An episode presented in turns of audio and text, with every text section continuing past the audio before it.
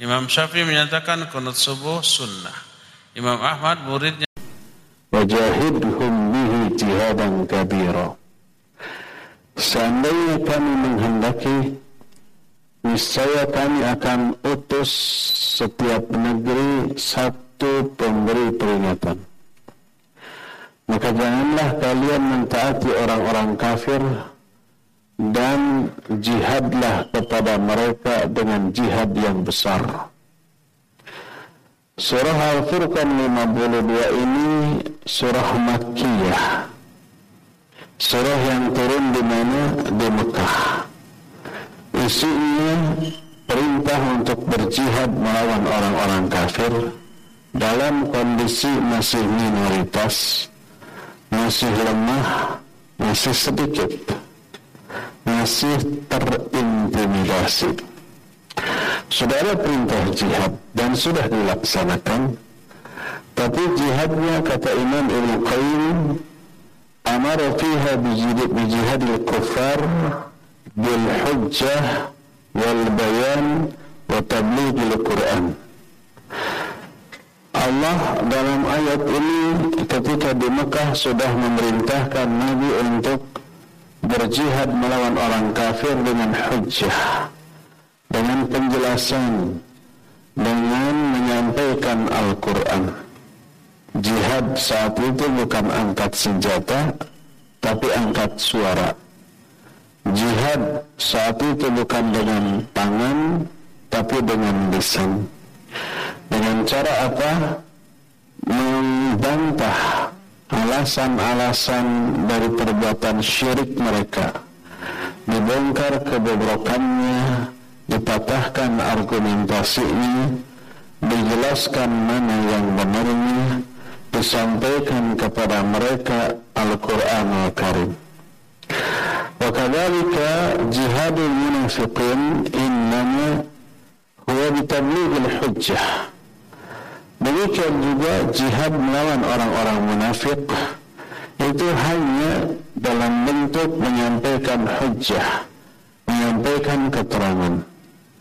Dan dua-duanya baik orang kafir ataupun orang munafik Allah memerintahkan nabi-Nya untuk berjihad melawan mereka ketika di Mekah.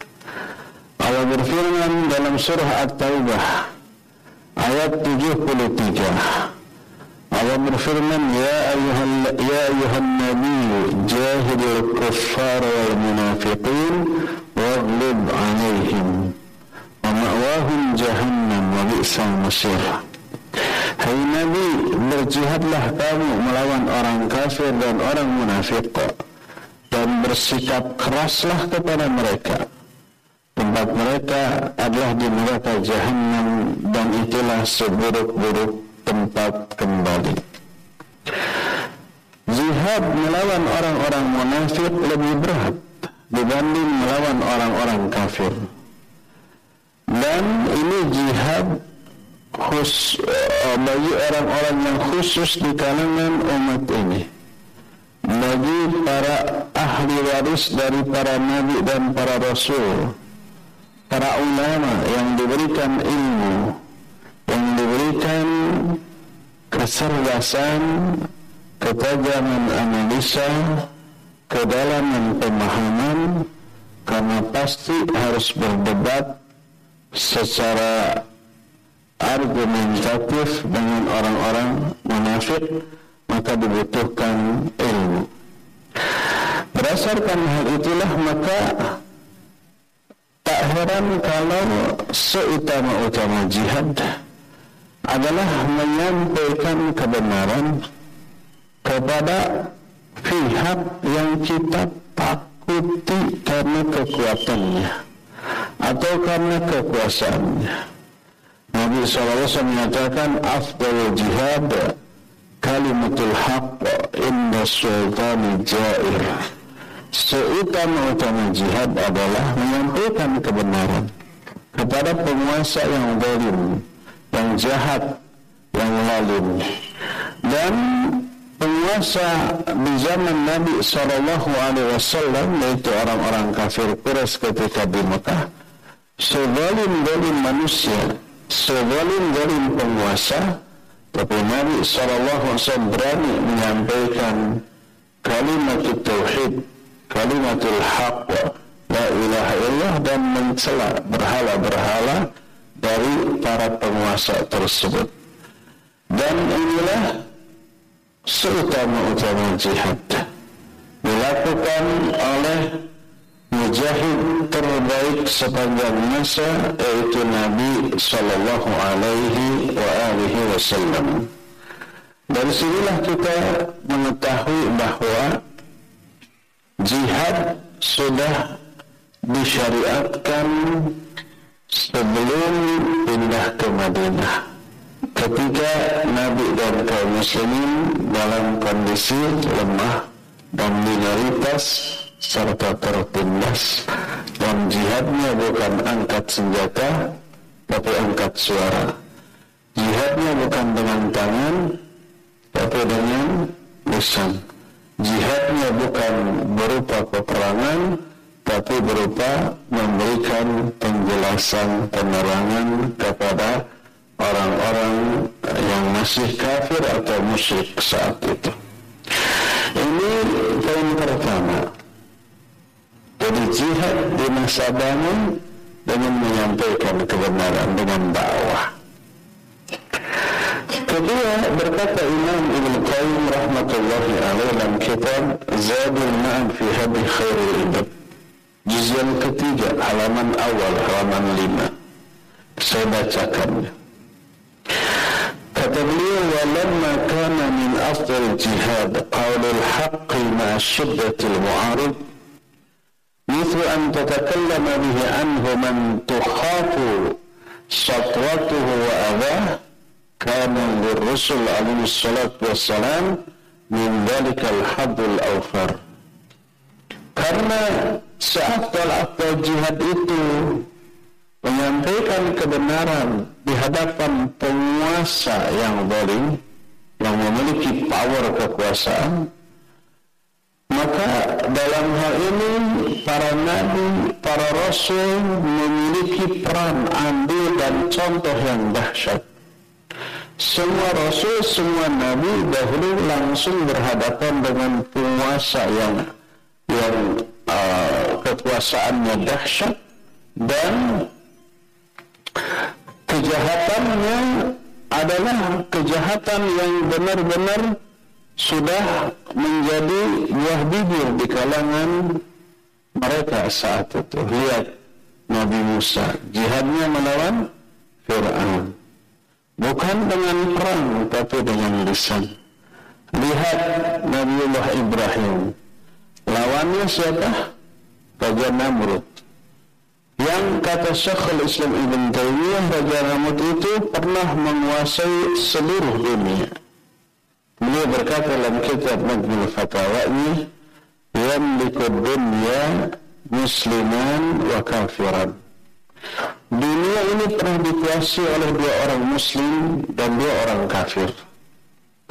Amal musliman, adapun dua orang muslim yang pernah menguasai dunia, pertama adalah Sulaiman alaihi salatu wassalam. Tidak hanya menguasai manusia, tapi juga bangsa jin, bangsa binatang, angin pun bisa diperintah. Yang kedua adalah Zulkarnain yang Allah jelaskan di dalam surah Al-Kahfi ayat-ayat yang terakhir itu. Itu menguasai seluruh dunia.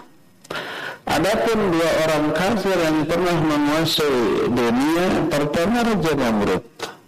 Di zaman Nabi Ibrahim alaihissalam dan yang kedua Zulkarnain yang kafir. Ada dua Zulkarnain yang Islam dan yang kafir. Yang kafir ini yang dikenal dengan Sultan Iskandar Zulkarnain yang membentuk kerajaan Iskandaria zaman bahula. Raja, Rambut bukan Raja, Raja Namrud bukan Raja kaleng-kaleng, bukan. Penguasa besar, penyembah berhala. Nabi Ibrahim sendirian berjihad melawan mereka jihadnya bukan dengan senjata tapi dengan lisan termasuk Nabi kita Muhammad sallallahu alaihi wasallam jihadnya ketika di Mekah melawan penguasa Mekah kalangan kafir Quraisy dan bangsa suku-suku bangsa lain yang semuanya penyembah berhala. Kezalimannya jelas. Para pengikut Nabi SAW di kalangan hamba sahaya memperoleh siksaan yang luar biasa dahsyatnya. Nabi SAW juga sampai yang mau dibunuh. Tapi Allah melindunginya dan menggagalkan upaya pembunuhan orang-orang kafir kepada Nabi SAW. Jihadnya dengan dakwah. Jihadnya dengan penjelasan, dengan menyampaikan risalah ini.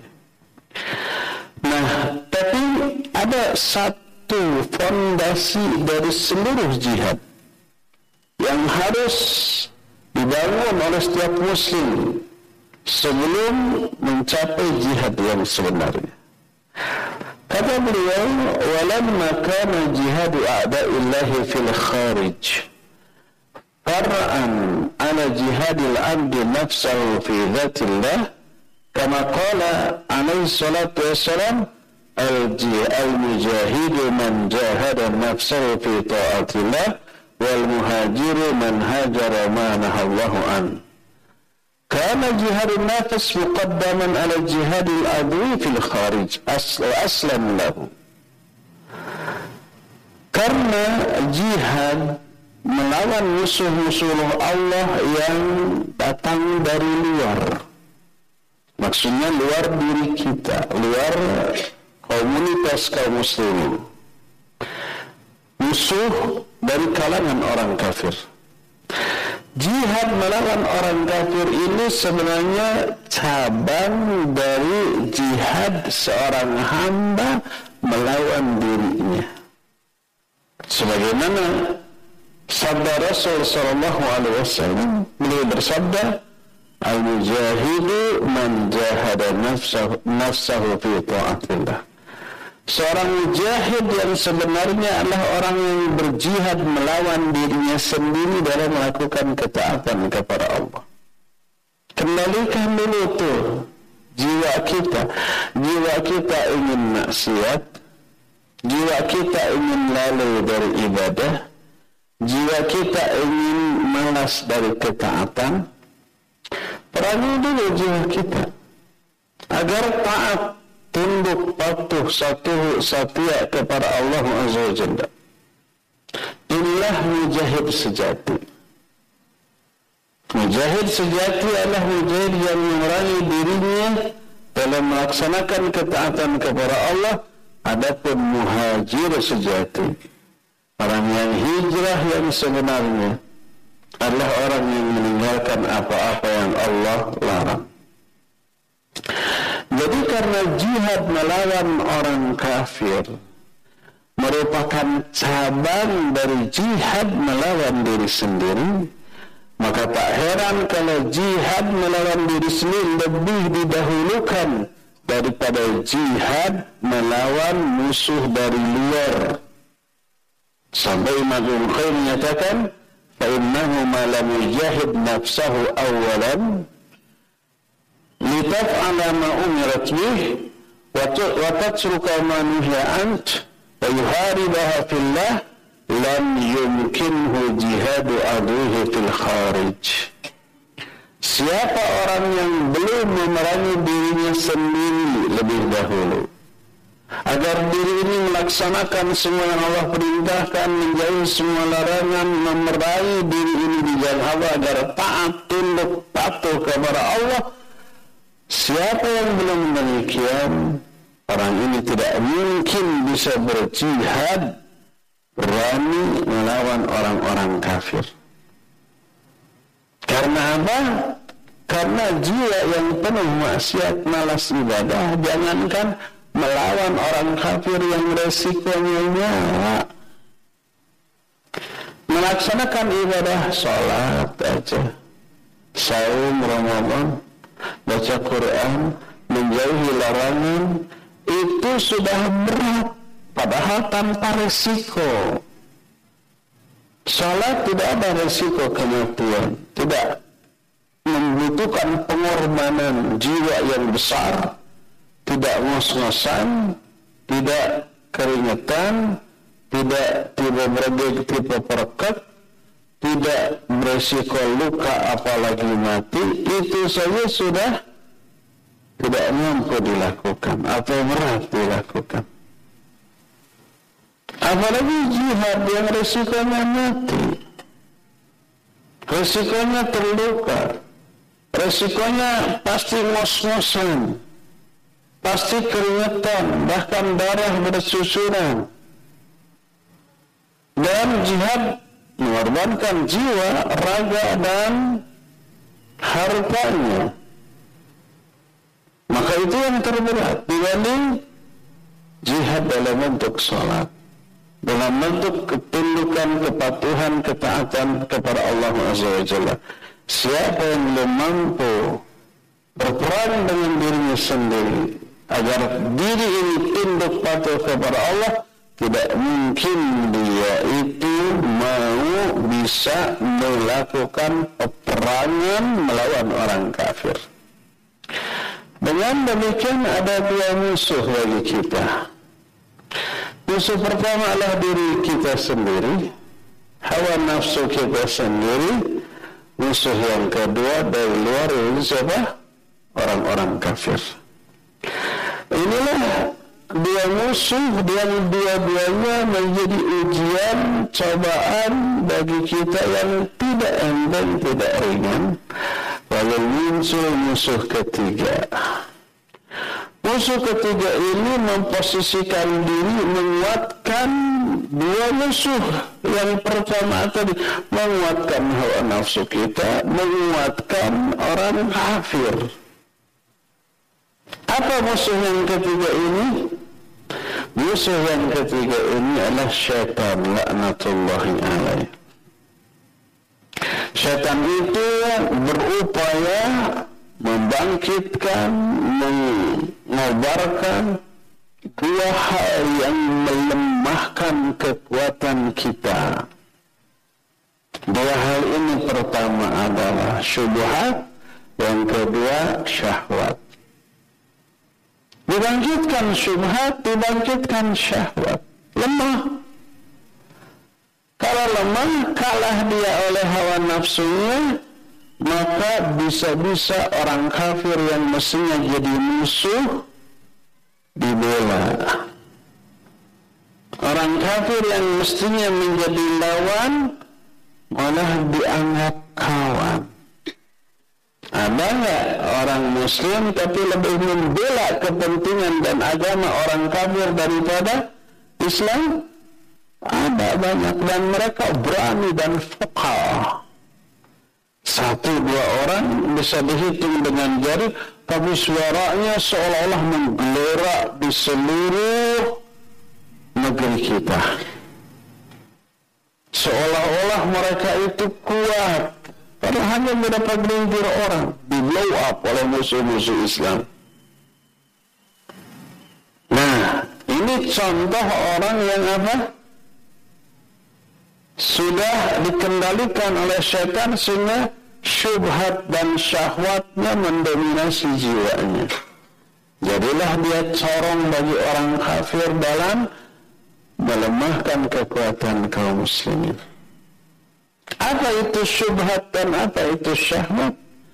Kalau syubhat adalah kekeliruan di dalam memahami Islam karena kebodohan bodoh dengan kebodohannya dia fahami Al-Quran dia fahami Sunnah lahir pemahaman yang keliru akidah yang keliru tafsir Quran yang salah pedaran hadis yang menyimpang tapi diyakini kebenarannya dan mereka sebarkan mereka share mereka dakwahkan ini syubhat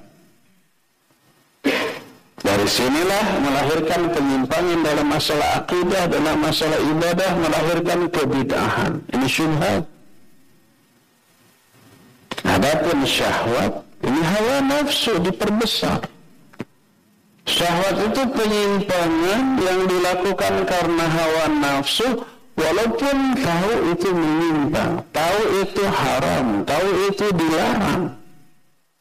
Seperti berjudi, seperti mabuk, seperti berzina, atau jangan jauh-jauh. Mungkin kita tidak akan tergoda oleh judi. Kita tidak akan tergoda oleh mabuk kita tidak akan tergoda oleh zina. Kita tidak akan tergoda membunuh, merampok. Tapi tergoda oleh gibah, dusta, fitnah, menghina. Ada yang suka ngaji tapi suka gibah? Iya. Ada yang suka ngaji tapi suka dusta? Iya. Ada yang suka ngaji suka nipu? Iya. Tahu nggak bahwa itu haram? Tahu. Tanya penjudi, tahu nggak judi haram? Tahu. Tanya pezina, tahu nggak zina itu haram? Tahu. Tanya pemabuk, tahu nggak mabuk itu haram? Tahu. Kenapa dilakukan? Hawa nafsu. Itu syahwat. Kalau subhat, penyimpangan yang dilakukan karena kebodohan. Kalau syahwat, penyimpangan yang dilakukan dengan ilmu. Tahu ilmunya tahu bahwa itu haram tapi dilakukan karena hawa nafsu. Dua ini yang oleh syaitan dikembangkan dalam diri setiap muslim. Apa yang terjadi? Lemahlah kekuatan jiwa kaum muslimin untuk menundukkan dirinya. Kalahlah dia terkuasai oleh hawa nafsu Ketika berhadapan dengan orang kafir, tidak ada semangat memerangi mereka. Karena risikonya mati, ngapain? Kalau risikonya mati, mending udah damai saja. Walaupun dengan risiko tunduk takluk kepada orang kafir dan menjadi corong mereka. Jadi musuh pertama diri kita, musuh kedua orang kafir, musuh ketiga syaitan. Allah berfirman, inna syaitana lakum aduun fattakhiduhu aduwa sesungguhnya syaitan itu musuh yang nyata bagi kalian. Jadikan dia sebagai musuh. Bukan sebagai kawan bukan sebagai sahabat. Nah oleh karena itulah maka ada tiga musuh bagi kita. Dan setiap hamba diperintahkan untuk memerangi ketiga musuh ini berjihad melawan mereka dan ini ujian dari Allah yang tidak enteng, tidak ringan dan wajib untuk kita lakukan demi menyelamatkan diri kita sendiri. Salah satu dari keterlibatan setan di dalam memerangi kita adalah Syaitan itu berusaha menaklukkan sebagian kaum muslimin untuk menjadi corong untuk memerangi sesama muslim.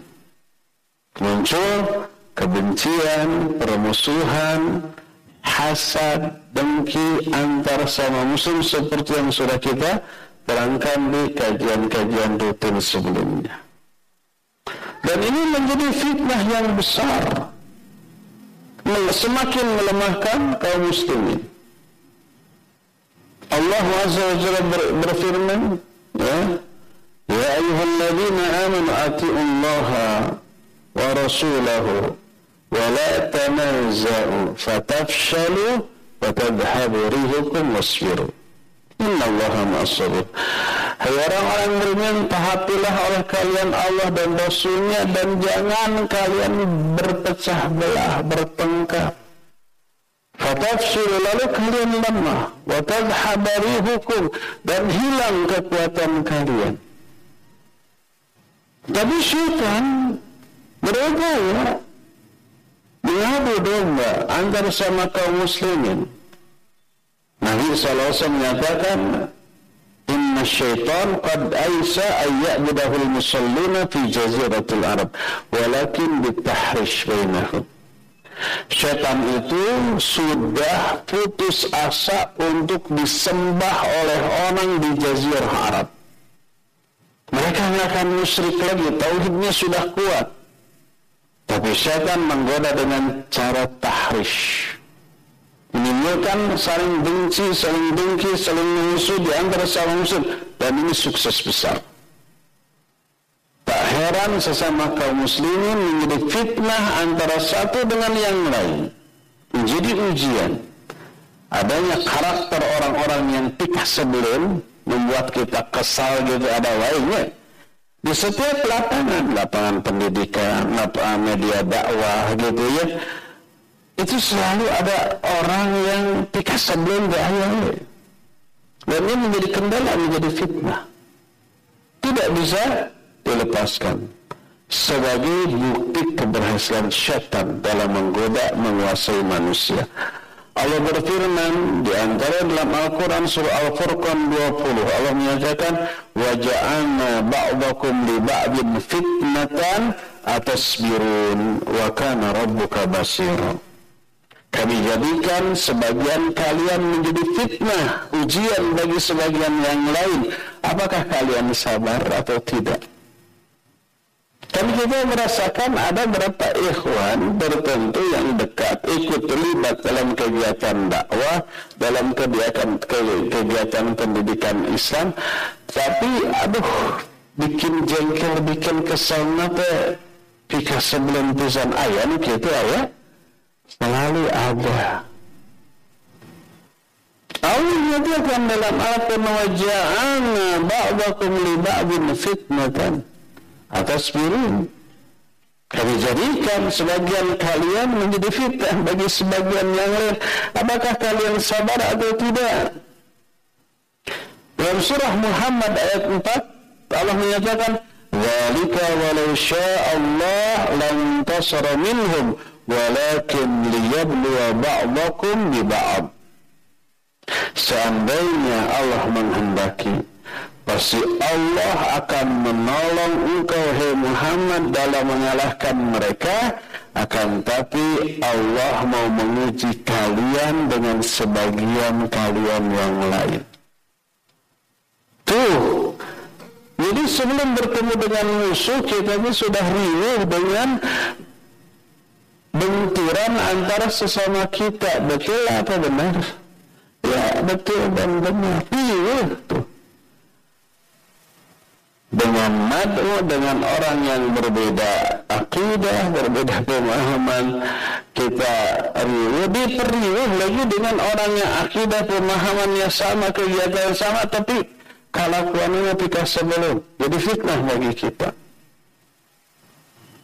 ibarat kain kalau mau dibikin baju itu menggunting picen lah tidak kan diterapkan oge malah memperburuk kondisi baju. Jadi terpantas rarawigan. Nah berdasarkan hal itulah maka jihad harus dimulai dari diri sendiri menguatkan fondasi. Kalahkan diri diri sendiri. Setelah diri sendiri dikuasai untuk taat kepada Allah, melaksanakan semua perintah, menjauhi semua larangan yang sudah kuat pondasi, maka menghadapi syaitan. Itu akan lebih tangguh daripada ketika jiwa ini masih rapuh.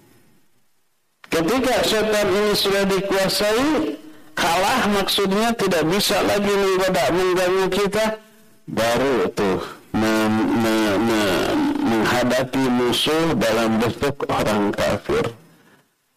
Ketika ini sudah baru yang terakhir yang terberat melawan orang-orang munafik. Nanti kita akan jelaskan tingkatan-tingkatan jihad maka berkata Imam Ibn Qayyim rahimahullah, "Fa'amarahum ay yujahidu fihi haqqa jihadih." Kama amarahum ay yattaquhu haqqa tuqatih. Wa kama anna haqqa tuqatih ay yuta' fala yu'sa, wa yudhkara fala yunsa, wa yushkara fala yukfar. فحق جهاده أن يجاهد العبد نفسه ليسلم wa jawarihu lillah fayakunu kulluhu lillah wa billah لا لنفسه ولا بنفسه ويجاهد شيطانه بتكذيب وعده ومعصية أمره وارتكاب نحيه فإنه يعد الأماني ويمني الغرور ويعد الفقر ويأمر الفحشة وينهى عن التقى والهدى والعفة والصبر وأخلاق الإيمان كلها فجاهده بتكذيب وعده ومعصية أمره. فينشأ الله من هذين الجهادين قوة وسلطان وعدة يجاهد بها أعداء الله في الخارج بقلبه ولسانه ويده وماله لتكون كلمة الله هي العليا. Kata Imam Ibn Qayyim dalam kitab Zadul Ma'ad yang saya barusan baca adalah kitab Zadul Ma'ad juz yang ketiga halaman 7 dan 8. Allah merintahkan kaum muslimin untuk berjihad dengan sebenar-benarnya jihad. Bukan asal-asalan jihad. Bukan jihad ala kadarnya. Sebagaimana Allah merintahkan mereka untuk bertakwa dengan sebenar-benarnya takwa, bukan tatakwaan. Bukan takwa asal-asalan, bukan takwa ala kadarnya. Kalau takwa dengan sebenarnya takwa ada tiga kriteria. Pertama, ayu ta'a fala. Pertama, taati Allah dan jangan didurhakai. Kedua, wa ayyuzkara fala yunsa. Ingat-ingat Allah. Jangan diabaikan, dilupakan, dilalaikan. Ketiga wa ayushkara fala yukfar syukuri Allah semua nikmatan dan jangan dikufuri. Itu kriteria dari bertakwa kepada Allah dengan sebenarnya takwa. Maka hendaklah jihad dengan sebenarnya jihad maknanya adalah lawan dulu jihadnya seorang hamba melawan dirinya agar dirinya dalam arti hati hatinya, lisannya, anggota badannya tunduk, taat, patuh kepada Allah. Seluruh yang dilakukannya karena Allah, untuk Allah, bukan untuk diri sendiri, bukan karena diri sendiri. Dulu, kenapa sih orang-orang zaman sekarang kata-katanya kurang membekas di hati mustamia. Berbeda dengan ulama zaman dahulu. Sekali bicara, nancem paguh ribuan tahun itu perkataan bertahan. Kita mengetahui perkataan-perkataan para ulama. Seperti Imam Syafi'i pernah menyatakan, Syakautu ila waki su'a hifdi, Farsadani ila tarkil ma'asi, Wa akhbarani bi amal ilma nurun wa nurullah la yuhdan asi. Aku curhat kepada Imam Waki tentang jeleknya hafalanku. Beliau memberi petunjuk kepadaku agar aku meninggalkan maksiat. Beliau mengabarkan bahwa ilmu itu cahaya dan cahaya Allah tidak akan diberikan ke maksiat kepada orang yang maksiat. Ini ribuan tahun yang lalu dikatakan. Sampai sekarang, sampai puluhan ratusan ribuan tahun yang akan datang, tetap akan menyebar terngiang di telinga hati kaum muslimin. Bekasnya itu mendalam. Imam Sufyan Athari pernah menyatakan innama yata'allamul ilmu yuttaqallahu bihi. Ilmu dipelajari untuk menjadi alat bertakwa kepada Allah. Undangan orang-orang zaman sekarang perkataannya mungkin lebih bagus tapi kurang berkesan. Kenapa? Ini ditanyakan kepada para ulama dijawab apa jawaban mereka di antaranya Abdullah bin Mubarak bin Mubarak menyatakan dulu mereka berbicara berbuat untuk kejayaan Islam dan kaum muslimin. Adapun orang sekarang berkata dan berbuat untuk kejayaan dirinya sendiri. untuk kemuliaan dirinya sendiri. Apa yang diomongkan dilakukan oleh orang sekarang agar dirinya terangkat. Ma'ruf, viral, keceluk, kaun-aun, kapan cara kajana pria menjadi orang yang beken yang populer itu yang dituju diniatkan dengan berkiprahnya di dia di dunia apa pun dunia dakwah, dunia pendidikan, sosial dan seterusnya.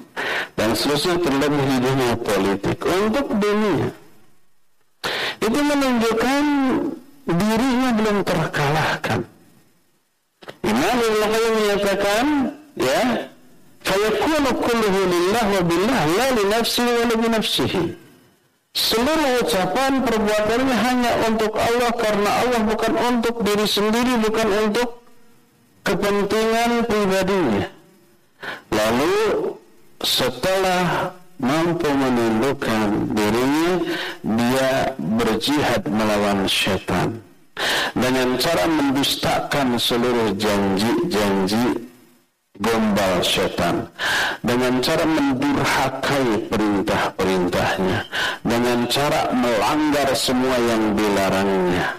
Karena setan hanya menjanjikan angan-angan dan tipuan menjanjikan kefakiran perbuatan fahsya keji dan munkar melarang dari perbuatan baik ketakwaan dan petunjuk dan dari akhlak-akhlak yang baik maka perang syaitan dengan cara mendurhakai mereka. Ini dua jenis jihad. Jihad melawan diri sendiri, jihad melawan syaitan. Dari dua jenis jihad ini lahir kekuatan dan kekuasaan dan persiapan diri menghadapi musuh Allah dari luar berupa orang kafir dan orang munafik.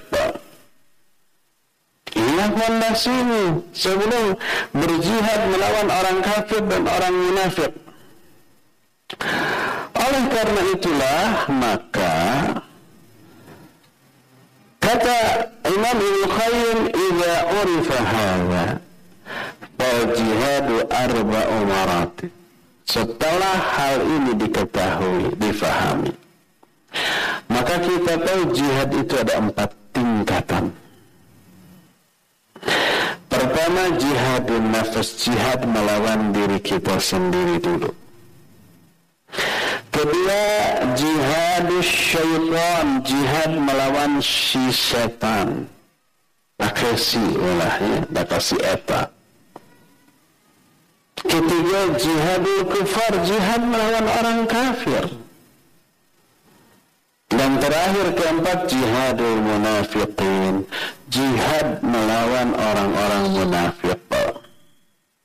Dan urutannya begitu. Pertama jihad melawan diri sendiri. Jangan dulu kita bisa berjihad melawan orang munafik atau orang kafir. Kalau diri sendiri aja masih belum tertaklukkan. Diri sendiri masih belum dikendalikan untuk taat patuh kepada aturan Allah.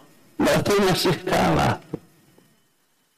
Mulailah dari jihad yang paling mendasar jihad melawan diri sendiri. Kumanya carana? Fajihadun nafas arba'u maratib alban. Jihad melawan diri sendiri ada empat tingkatan. Ini dulu nih kita mungkin baru jihad melawan diri sendiri di tingkatan yang pertama. Ini dia belum lulus tuh. Masih eleh masih kalah oleh diri sendiri. Padahal baru langkah awal sudah. Kata orang Sunda mah sudah budir Apa empat tingkatan dalam berjihad melawan diri sendiri? Nah, pertama, ini yang sedang kita lakukan sekarang. Ini aja sudah banyak yang gugur. Tidak lolos, padahal baru babak awal, babak kualifikasi. Belum mencapai seperdelapan final, seperempat final, apalagi semifinal, apalagi final. Baru babak kualifikasi sudah gugur. Dalam kompetisi di bidang apa pun main bola kayaknya futsal kayak gitu ya atau sepak bola kayak atau soccer kayak. Eta eta kayaknya.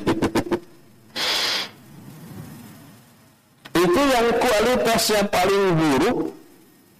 Karek bermain gak sudah eleh ya 10 nol babak kualifikasi saja sudah gugur. Karena lemahnya dia mungkin skill individunya lemah apalagi kerjasamanya juga nggak benar gitu. Itu diawut diawut awut atau kulawannya sepuluh nol karek dua menit apa apa jihad melawan diri sendiri ada empat tingkatan.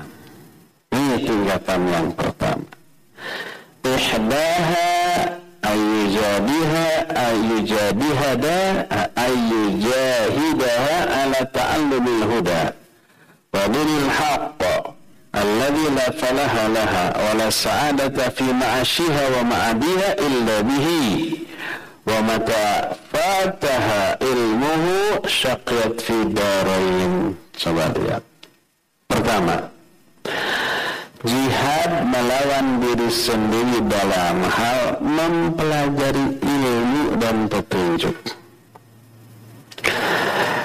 Yang ilmu dan agama yang hak ini tidak ada kebahagiaan tanpanya. Tidak akan ada kesuksesan dunia akhirat lahir ataupun dan batin tanpa ilmu dan tanpa agama. Siapa yang luput ilmu dan agama dari dirinya alias dia tidak berilmu tentang agamanya dia akan binasa dunia dan akhirat. Ternyata jihad awal adalah jihad dalam mencari ilmu. Tundukkan hati kita untuk bisa selalu belajar karena apa? Banyak kendala ketika belajar. Ayah harorean tuh ayah males tuh ada bentrokan kepentingan dengan kangkau hangout dengan teman-teman. Di satu sisi ada BC menghadiri kajian di sisi lain ada BC menghadiri kumpulan di kafe dengan teman-teman yang pasti menyenangkan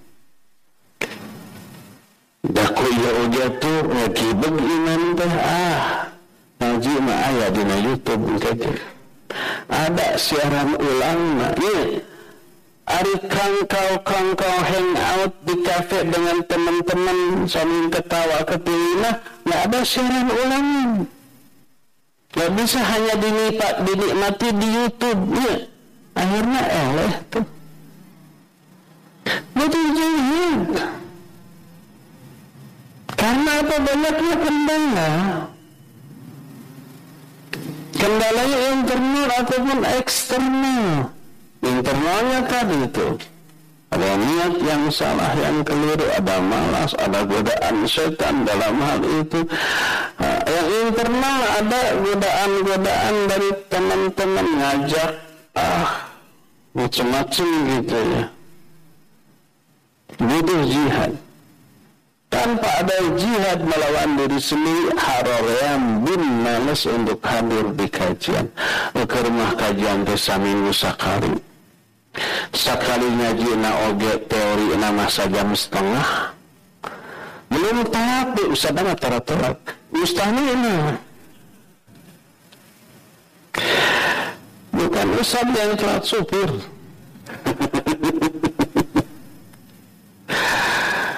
nah belum ketika ngajinya malamun ngobrol. Efektifnya dalam satu setengah jam paling 20 menit. Tambah sedikit ilmu yang dapat. Jadi untuk bisa belajar butuh jihad. Kalau mampu belajarlah secara terkurikulum. Masuk pondok. Masuk ke sekolah-sekolah Islam di sana akan banyak pengorbanan pengorbanan pikiran, perasaan, waktu, tenaga, uang. Kan mondok bayar, pesantren itu bayar, tidak murah. Murah sih dibanding ke umum. Tapi ketika umum terasa murah, ketika bayar ke pesantren terasa mahal. Nah seperti itu Ari apa nama SPPK pesantren ke sekolah Islam? Aduh kita tagih hese gitu.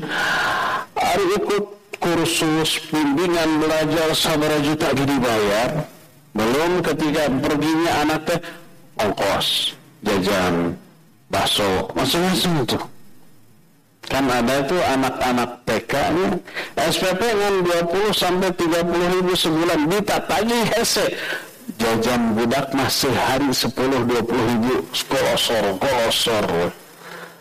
Sehari 20 ribu sebulan sudah 600 ribu itu ya ayat sebulan untuk jajan anak. Tapi untuk SPP 20, 30 sampai 50 ribu aduh ditatagih ya hese. Ingatan sudah habis itu ini sudah jam lima lewat. Jadi yang pertama untuk bisa ngaji, untuk bisa belajar ilmu, memahami ilmu, itu butuh jihad. Jihad dengan harta, dengan jiwa, dengan pikiran, dengan perasaan. Perasaan berkorban jauh dari sana keluarga, dari orang tua Ketika mondoknya pasti ada clash dengan sesama kawan atau dengan ustaz atau dengan lingkungan. Terus kadang-kadang sakit, kadang-kadang tidak enak badan, tidak ada yang memperhatikan, dia menangis sendirian. Itu yang dialami oleh santri-santri di pondok. Gimana orang tuanya? Berbahagialah. Biarkan anak mengalami semua itu. Itu gendengan untuk membuat mentalnya membaca memiliki kemandirian di dalam hidup. Memiliki banyak pengalaman yang lahir dari pahit getirnya kehidupan mencari ilmu ini akan berakhir manis sebagaimana Imam Syafi'i menyatakan siapa yang tidak pernah merasakan pahit getirnya mencari ilmu dia tidak akan merasakan manisnya ilmu dan ibadah di masa tua. Di mana pun panen itu selalu terakhir diawali oleh pengorbanan dan perjuangan. Petani aja untuk bisa menghasilkan panen padi yang melimpah itu tiga atau empat bulan itu harus bercucuran dulu keringat, keluar uang, keluar tenaga, keluar air mata, kan gitu ya. Ada petani di sini. Nah, Pedagang juga gitu awalnya mah tuh harus modal keluar beli jongkoknya, beli barang-barang yang akan dijualnya, meng menggaji karyawannya. Keluar dulu itu. Setelah keluar teh masih belum tentu untung teh. Ya, Jam kehul kesel ku karyawan, kehul kesel ku relasi macam-macam. Nanti setelah beberapa bulan, mungkin tahun baru kelihatan tuh untungnya. Ada gimana untung? Kan ayah rugi. Semua keberhasilan diawali oleh apa? Pahit ketirnya pengalaman berjuang sebelumnya. Apalagi ini ilmunya. Jadi masa-masa muda, masa-masa kecil itu masa-masa yang menuntut kita memeras keringat, memeras keringat, memeras air mata, uh, merasakan dulu pahit pihirnya perjuangan itu. Jangan dikira usad-usad yang sekarang ini kelihatan, ya mereka dimuliakan, mereka digampangkan seluruh urusannya. Jangan dikira mereka itu sudah dari awal begitu, ya. Itu ketika belajarnya jadi santrinya, jadi mahasiswa itu berurai air mata, keringat bercucuran, lapar, haus, ngantuk, yang dibelel-belel ketika menghafal, ketika belajar, terkantuk-kantuk sampai diganjal korek api biar minta terus mengalami dulu itu semua. Tidak langsung panen tidak. Nah inilah pengorbanan di level awal dari tingkatan jihad. Jihad ketika belajar. Inilah level pertama dari jihadin nafas jihad melawan diri sendiri ketika belajar. Ini yang pertama level kedua eh ketiga keempat dan seterusnya nanti kita lanjut di pertemuan yang akan datang sekarang mas sudah habis waktunya dah lebih sudah dapat kartu putih yang menunjukkan waktu untuk menjelaskan sudah habis ya. Ya wa sallallahu ala.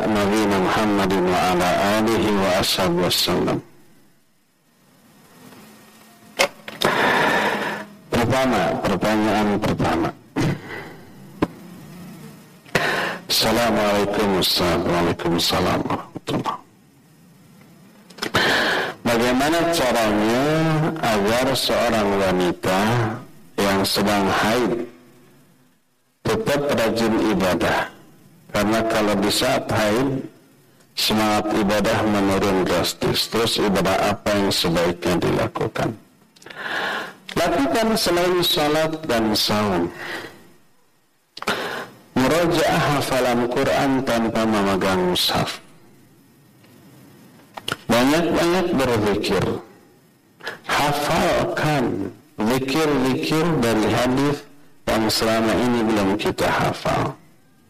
Ulang-ulang terus apa yang kita hafal dari Al-Quran surat pendek sampai panjang murojaah terus. Ya itu dibolehkan bagi wanita yang haid. Ikut kajian ikut. Boleh ke masjid boleh tapi di luar. Di teras jangan masuk ke dalam. Kebetulan sekarang kajian kita di sini awat di luar ini.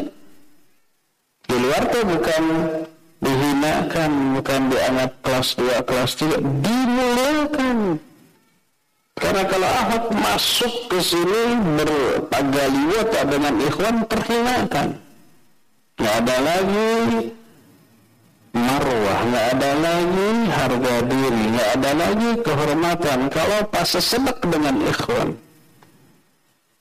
Dipisahkan ya Ahok untuk dimuliakan agar privasinya tidak terganggu tetap terjaga. Nah, boleh akhwat ngaji di luar. Dengar pengajiannya tapi tidak masuk ke dalam masjid. Kan ada speaker juga di luar ya. Bisa dengan cara seperti itu. Allahu a'lam bishawab. Ada yang mengacu? Mangga. Ada naik ya? Ada. Kurang persiapan panitianya ayo ayo nggak ada katanya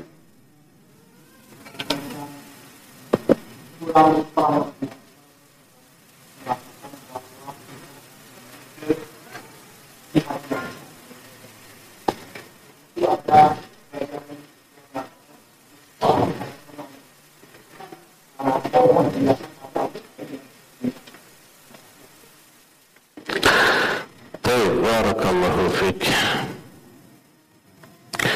Siapa Suryati? Apa Endang Cibirin? Cibirin mah cakep Salengkah Pak Endang Cibirin bertanya Nabi SAW pernah berkata Ini perang badar Pulang dari perang badar yang dahsyat Sebagian lagi menyatakan perang dari Uhud yang kalah kaum muslimin dan pengorbanannya banyak. Beliau berkata raja'na mina jihadil asghar ila jihadil akbar. Kita baru saja pulang dari jihad kecil menuju jihad besar itu perang baik badar ataupun yang dahsyat itu disebut jihad kecil sekarang mau masuk jihad besar walah senggahnya Para sahabat berkata, "Wa ma jihadul akbar ya Rasulullah?" Apa jihad besar itu ya Rasulullah? Beliau menjawab jihadun nafas, jihad melawan diri sendiri, melawan hawa nafsu. Apakah hadis ini benar? Hadis ini benar, benar, tidak benar. Hadis ini sebagian ulama menyatakan dhaif jiddan. Seperti yang di, di, diterangkan Imam Ibn, Ibn Hajar al-Asqalani kitab namanya Tasdimul Qaus. Imam Al-Iraqi juga menjelaskan dalam kitab Takhriju Ahadithil Ihya. Hadis ini dalam kitab Ihya Ulumuddin dalam karangan Al-Ghazali. Hadis saja ditakhrij oleh Imam Al-Iraqi. Lalu beliau menyatakan hadis ini la aslalahu, tidak ada asalnya. Termasuk Imam Ibnu Hajar juga dalam kitab Tasdidul Qaus la aslalahu. Imam Ibnu Hajar menyatakan ini bukan perkataan Nabi SAW, tapi ini perkataan seorang yang nama Ibrahim bin Ablah. Dikarang-karang, lalu dinisbatkan kepada Nabi SAW. Alias palsu. Tapi Al-Ghazali menukil hadis dalam kitab Ihya Ulumuddin kata Imam Al-Iraqi setelah ditakhrij hadis ini tidak ada asalnya. Berdasarkan hal itulah maka hadis ini tidak bisa dipakai. Syekhul Islam Ibn Taimiyah dalam kitab Al-Furqan Baina Awliya Rahman wa Awliya Syaitan. Ketika membahas hadis ini, beliau menyatakan hadis ini la aslalahu. Lalu dikutip perkataan Imam Al-Iraqi, Imam Ibn Hajar, lalu beliau katakan, matan atau isi hadis ini bertolak belakang dengan ayat Al-Quran dan hadis-hadis sahih tentang keutamaan jihad. Fisabilillah. Lalu dikutip beberapa ayat dan hadis tentang keutamaan jihad fisabilillah. Walhasil hadis yang menyatakan bahwa jihad yang paling besar adalah jihad melawan hawa nafsu la aslallahu. Tapi tidak berarti jihad melawan hawa nafsu itu tidak ada. Enggak, ada. Kita juga merasakan ada nggak jihad melawan hawa nafsu? Ada. Imam Ibnu menjelaskan ya, ini jihad yang paling mendasar ada jihad melawan hawa nafsu tapi tidak boleh dikatakan ini jihad yang lebih besar daripada jihad perang enggak ketika kita nanti membahas seluruh jenis jihad kita akan tahu jihad terutama jihad yang paling besar jihad melawan orang kafir karena di sana terkandung seluruh jenis jihad dalam jihad melawan orang kafir, ada jihad melawan hawa nafsunya, ada jihad melawan syaitannya. Karena seseorang tidak akan berani jihad melawan orang kafir kalau dia masih dikuasai hawa nafsu atau oleh syaitan. Kalau masih kalah oleh syaitan, masih kalah oleh hawa nafsu, dia tidak akan berani jihad fisabilillah dengan cara perang melawan orang kafir. Kesimpulannya hadis itu la aslalahu Hadis itu tidak ada asal. Se -se sebagian ulama menyatakan perkataan Ibrahim bin Ablah bukan perkataan Nabi Shallallahu Alaihi Wasallam, tapi ada tapinya tidak mengingkari adanya jihad melawan hawa nafsu. Ya, jihad melawan hawa nafsu betul ada. Ini jihad yang paling dasar dan jihad melawan orang kafir jauh lebih utama lebih besar daripada jihad melawan diri sendiri. Wallahu a'lam. Ada lagi? Alhamdulillah enteng ringan cukup sampai di sini saja kajian kita insya akan kita sambung entah kapan entah di mana Uh, semoga Allah memudahkan kita untuk berjumpa kembali. Subhanakallahu bihamdik asyhadu an la ilaha illa anta astaghfiruka wa atubu ilaik walhamdulillahi rabbil alamin. Wassalamualaikum warahmatullahi wabarakatuh. Belanja di TS Mart. Dengan belanja di TS Mart, Anda turut berpartisipasi dalam dakwah yang diselenggarakan YTS.